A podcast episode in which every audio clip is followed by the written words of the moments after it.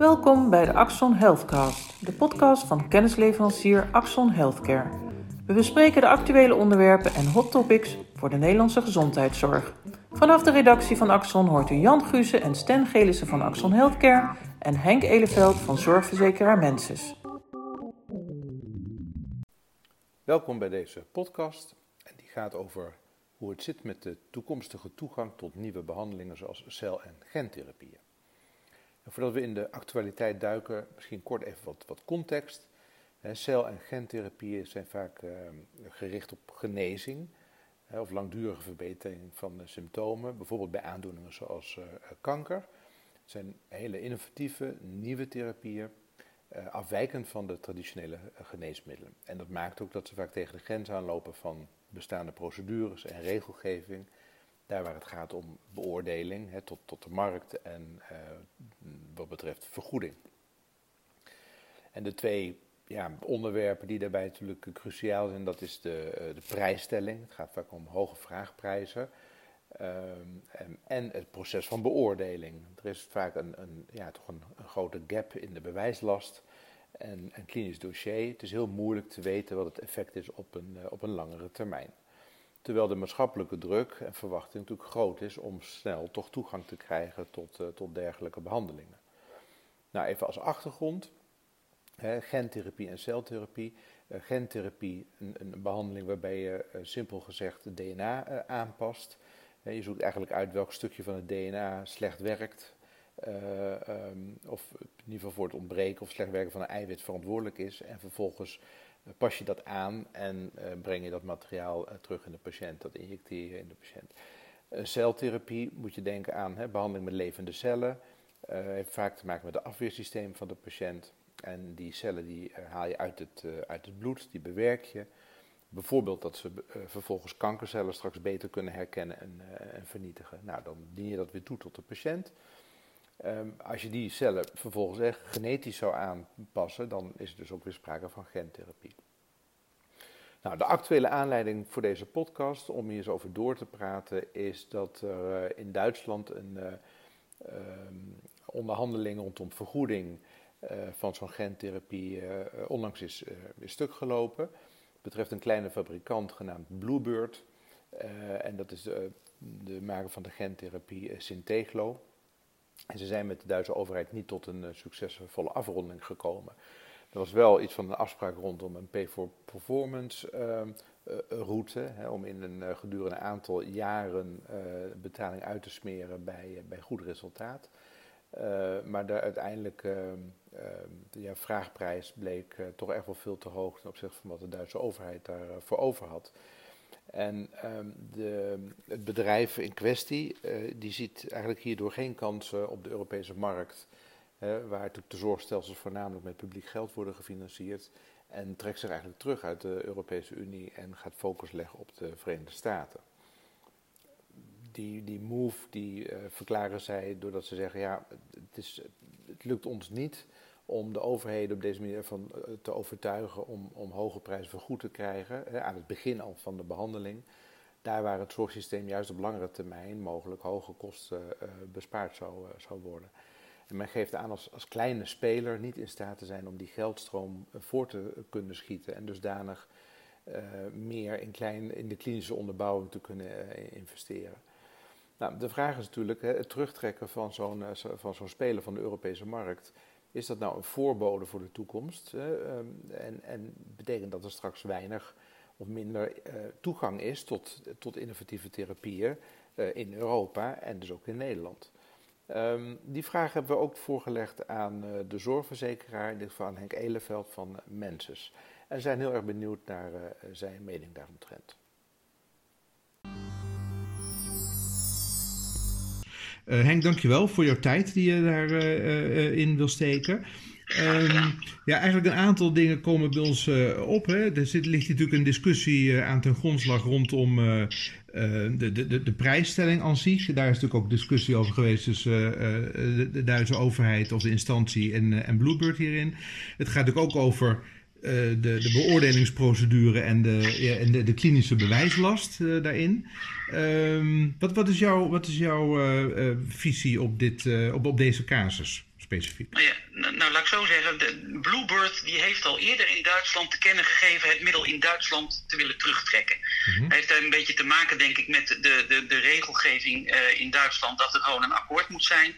En als ik het goed begrijp, dan heeft Bluebird, dan heeft in Duitsland een soort arbitrage-instituut. Um, ge geoordeeld dat dit een redelijke prijs zou zijn, ongeveer 950.000 euro als het middel werkt en als het bij iedereen werkt. Ja. En anders 750.000 euro per uh, gebruiker als het middel niet werkt. Dat is dus de basisprijs. En er kan nog 200.000 euro bij komen als het wel werkt. Nou, Ja. daar heeft, daarvan heeft Bluebird gezegd dat ze dat te weinig vinden. En dat ze best over vijf jaar hun geld willen ontvangen.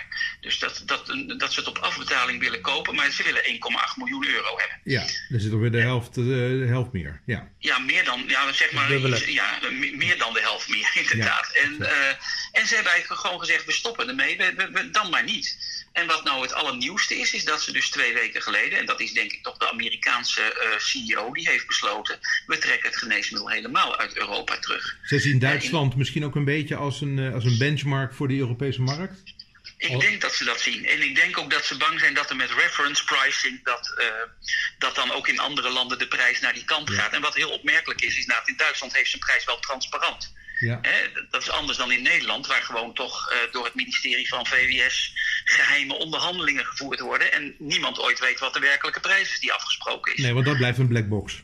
Dat blijft een black box, maar Duitsers, de Duitsers hebben daar een bepaalde transparantie in.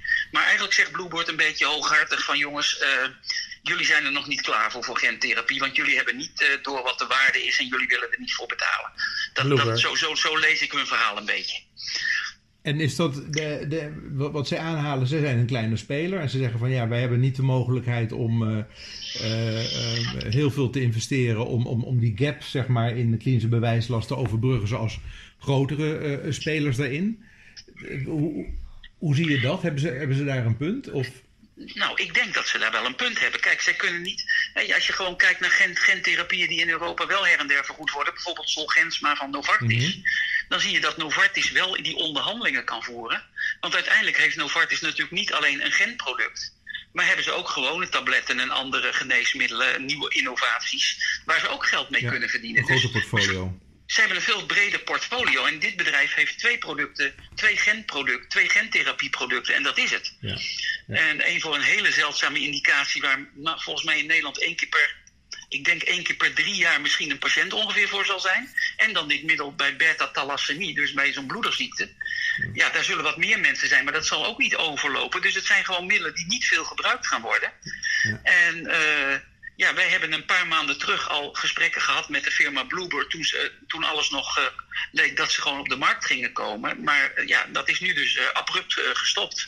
En ik ga er dus ook vanuit dat ze hun kantoor gaan sluiten. Ja. En ja, dat dit geneesmiddel voorlopig aan Europa voorbij gaat. En het is dus even, ja, de vraag is in, hoe moet je wegen dat ze dit gedaan hebben? En daar, nou ja, daar kan ik straks wel wat over zeggen. Maar Wat ik denk. ver- verwacht je dat dit een voorbode is voor, eh, voor, voor meerdere eh, ja, soortgelijke casussen? En, en met, met gevolgen ook voor misschien beschikbaarheid van bepaalde behandelingen in Europa? Nou ja, die kans is aanwezig als er meerdere kleinere van dit soort gentherapiepartijen zijn die, die, die hier hetzelfde over gaan denken.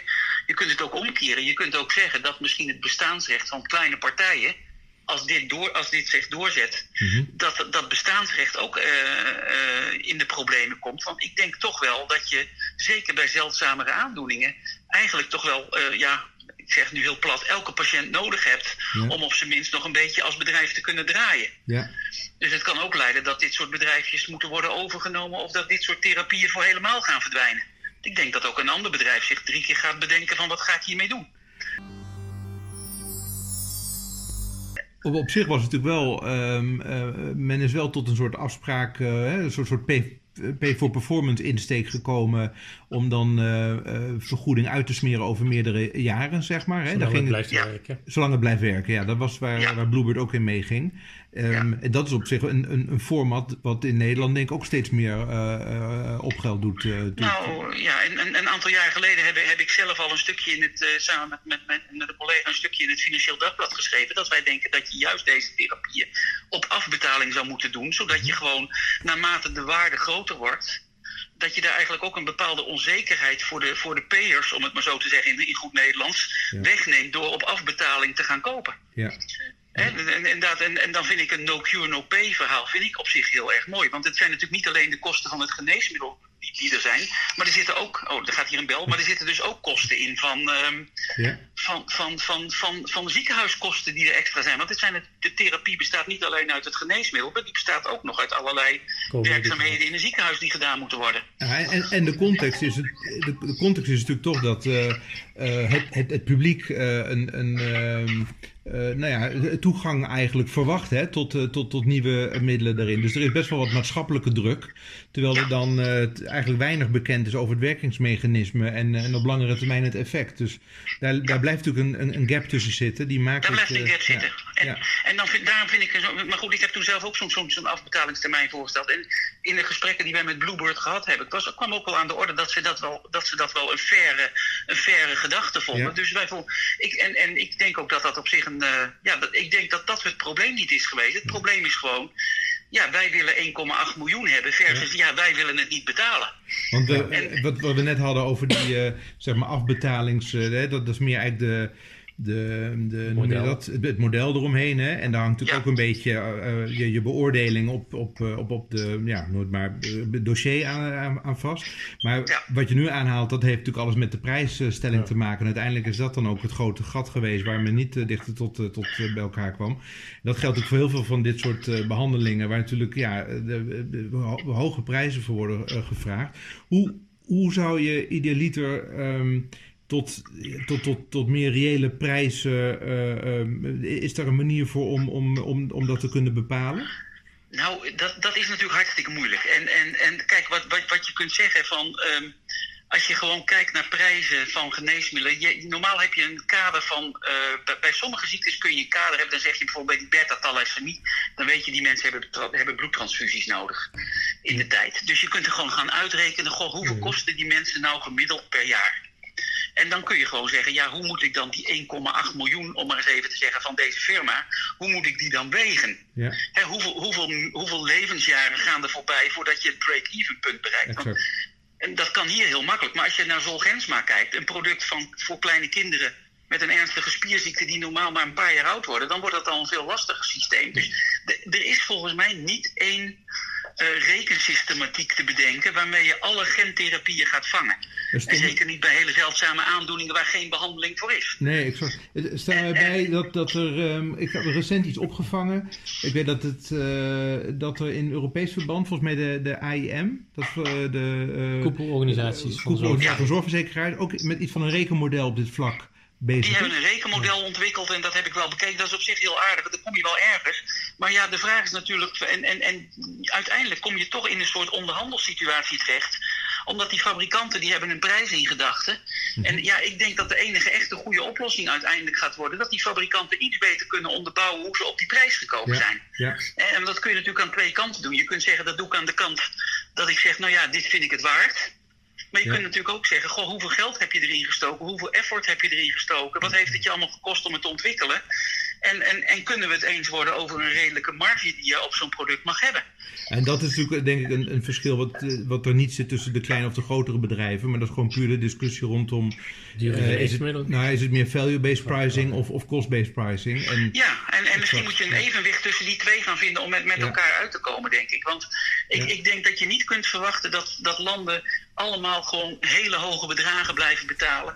Want, want een ding wat natuurlijk ook nog meespeelt, hoeveel patiënten ga je ermee behandelen? Die vergat Ja. ik net nog. Ja. Hè, want ik, ik bedoel, dat zit natuurlijk ook heel belangrijk in terugverdientermijnen. Van ja, het is wel een verschil of je er 100 patiënten in Nederland mee gaat behandelen, of dat je bij één of twee blijft steken. Dat is, daar vind ik ook nog wel dat daar verschil in mag zitten. Daar zit groot verschil in. Ja, zeker. En, en, en, en, en, het, en, en, maar nogmaals, ik denk dat fabrikanten ook rekening mee moeten houden. Dat er ook, dat er ook een post onvoorzien is aan de kant van de betalers. Ja. Van of er straks blijkt dat er andere dingen gaan gebeuren die we nu niet voorzien hebben. Ja, En die ook nog weer tot hoge kosten gaan leiden. En daar, daar zit denk ik een discussie. En dat is een discussie, daar moeten we denk ik de komende tien jaar doorheen. Ja. Want dan denk ik dat we met elkaar meer weten over dit soort producten. Zodat je ook, een, net als bij geneesmiddelen, naar een logischer eh, verdienmodel eh, en naar een logischer prijsstellingsmodel kunt gaan kijken. Maar daar, heb je gewoon, ja, daar heb je gewoon iets langere termijndata voor nodig. Dus nu springen we nog met z'n allen in een zwembad waar we niet weten waar het water staat. Is het, het kan best onvoorzien zijn dat uh, je, de verwachting is dat je misschien wel een patiënt uh, uh, kan genezen. of alleen dat dan toch op, op, op den duur blijkt dat er toch andere co-medicatie alsnog nodig is, et cetera. En dat is natuurlijk allemaal onbekend. Ja. ja, of dat van zo'n gentherapie de werking gewoon afneemt. Dat er misschien, nou net als bij de griepvaccins, nog een keer een boosterbehandeling nodig is. Ik verzin nu maar even iets, want ik ben geen wetenschapper daarin. Maar dat zijn wel dingen waar je rekening mee moet houden dat die kunnen gebeuren. Ja. En, en, en uh, dat zijn toch onvoorziene posten. En, en bijvoorbeeld ook het feit van ja, is die patiënt. Uh, is die patiënt inderdaad helemaal ziekenhuisvrij? Of moet hij elk jaar de meest, de meest grote onderzoeken mm. ondergaan om te kijken of het allemaal wel goed gaat? Ja, exact. Dat zijn allemaal dingen waar we nu te weinig van weten om een eerlijk antwoord te geven. Ja, en misschien moet je aan het begin inderdaad daar. Wat ik ook een idee vind, en dat vond ik, ook, dat vond ik nog wel de charme van het Duitse voorstel. Dat je zegt: oké, als het echt Alleen daar stond bij iedereen werkt. Ik kan me ook voorstellen die zegt, bij, bij iemand die het werkt, daar krijgt de fabrikant aan het eind een soort bonusbetaling op, het, op het geheel. Ja. En, en dan mag je van mij best nog wel iets hoger gaan dan die 200.000 euro. Want dan denk ik ook, dan ben je de rest van het leven van iemand er ook vanaf. Ja. Maar hier zit natuurlijk ook nog, uh, daar moet je dan ook afspraken over maken van wanneer vind je met elkaar dat er een goede performance is. Hè? Ja, ja. en dat moet je, dus kunnen meten. En dat moet je kunnen meten, want wat doe je met partiële eh, performance en, en ja, uh, respons en dat maar, soort maar, dingen. Maar ik denk dat je daar uiteindelijk wel met elkaar uit kunt komen als je allebei de wil hebt om gewoon met elkaar iets te bereiken en ook... Uh, ja, en dat je niet. Ja, ik denk dat je met deze geneesmiddelen een beetje uit de starre systemen moet blijven waar we met de gewone geneesmiddelen in zitten. Ja. Henk, misschien om, om qua tijd uh, naar afronding te komen. Als je met, met wat je nu zegt, hè, een, een wil die daar ook uh, denk voor nodig is, wat, wat, wat zou er naar jouw idee um, nodig zijn? Of, hè? Ja, nou, ik denk dat op hele korte termijn nodig is. Dat er op hele korte termijn misschien in Nederland toch wel een discussie nodig is tussen misschien wel het. Ik, tenminste, bij mij weten is die nog niet heel erg gevoerd tussen Zorginstituut, zorgverzekeraars en andere partijen. En, en misschien ook wel geneesmiddelenfabrikanten gewoon. Uh, van jongens, hoe gaan we dit nou op een nette manier met elkaar aanpakken? Waarbij gewoon er voor beide partijen uh, ja, uh, comfort geboden wordt, om het maar zo te zeggen. Want en, en, nogmaals, het zou een beetje zonde zijn als, als behandelingen die voor sommige patiënten gewoon echt een verschil betekenen in kwaliteit van leven en, en dat soort dingen meer, als die gewoon niet beschikbaar zijn. Dat zou ik echt jammer vinden. Ja. En ik denk dat we bij deze geneesmiddelen misschien de eerste periode. Ja, toch, we moeten toch met elkaar eh, een traject in waar we, waar we gaan leren hoe dit gaat werken. En dat mis ik nu een beetje in de hele discussie. Uh, ja. En voor nu willen we jou heel hartelijk danken voor, uh, voor jouw reactie en een uh, zeer heldere kijk op deze casus. Dit was het alweer voor deze podcast. Hartelijk dank voor het luisteren en wie weet tot ziens.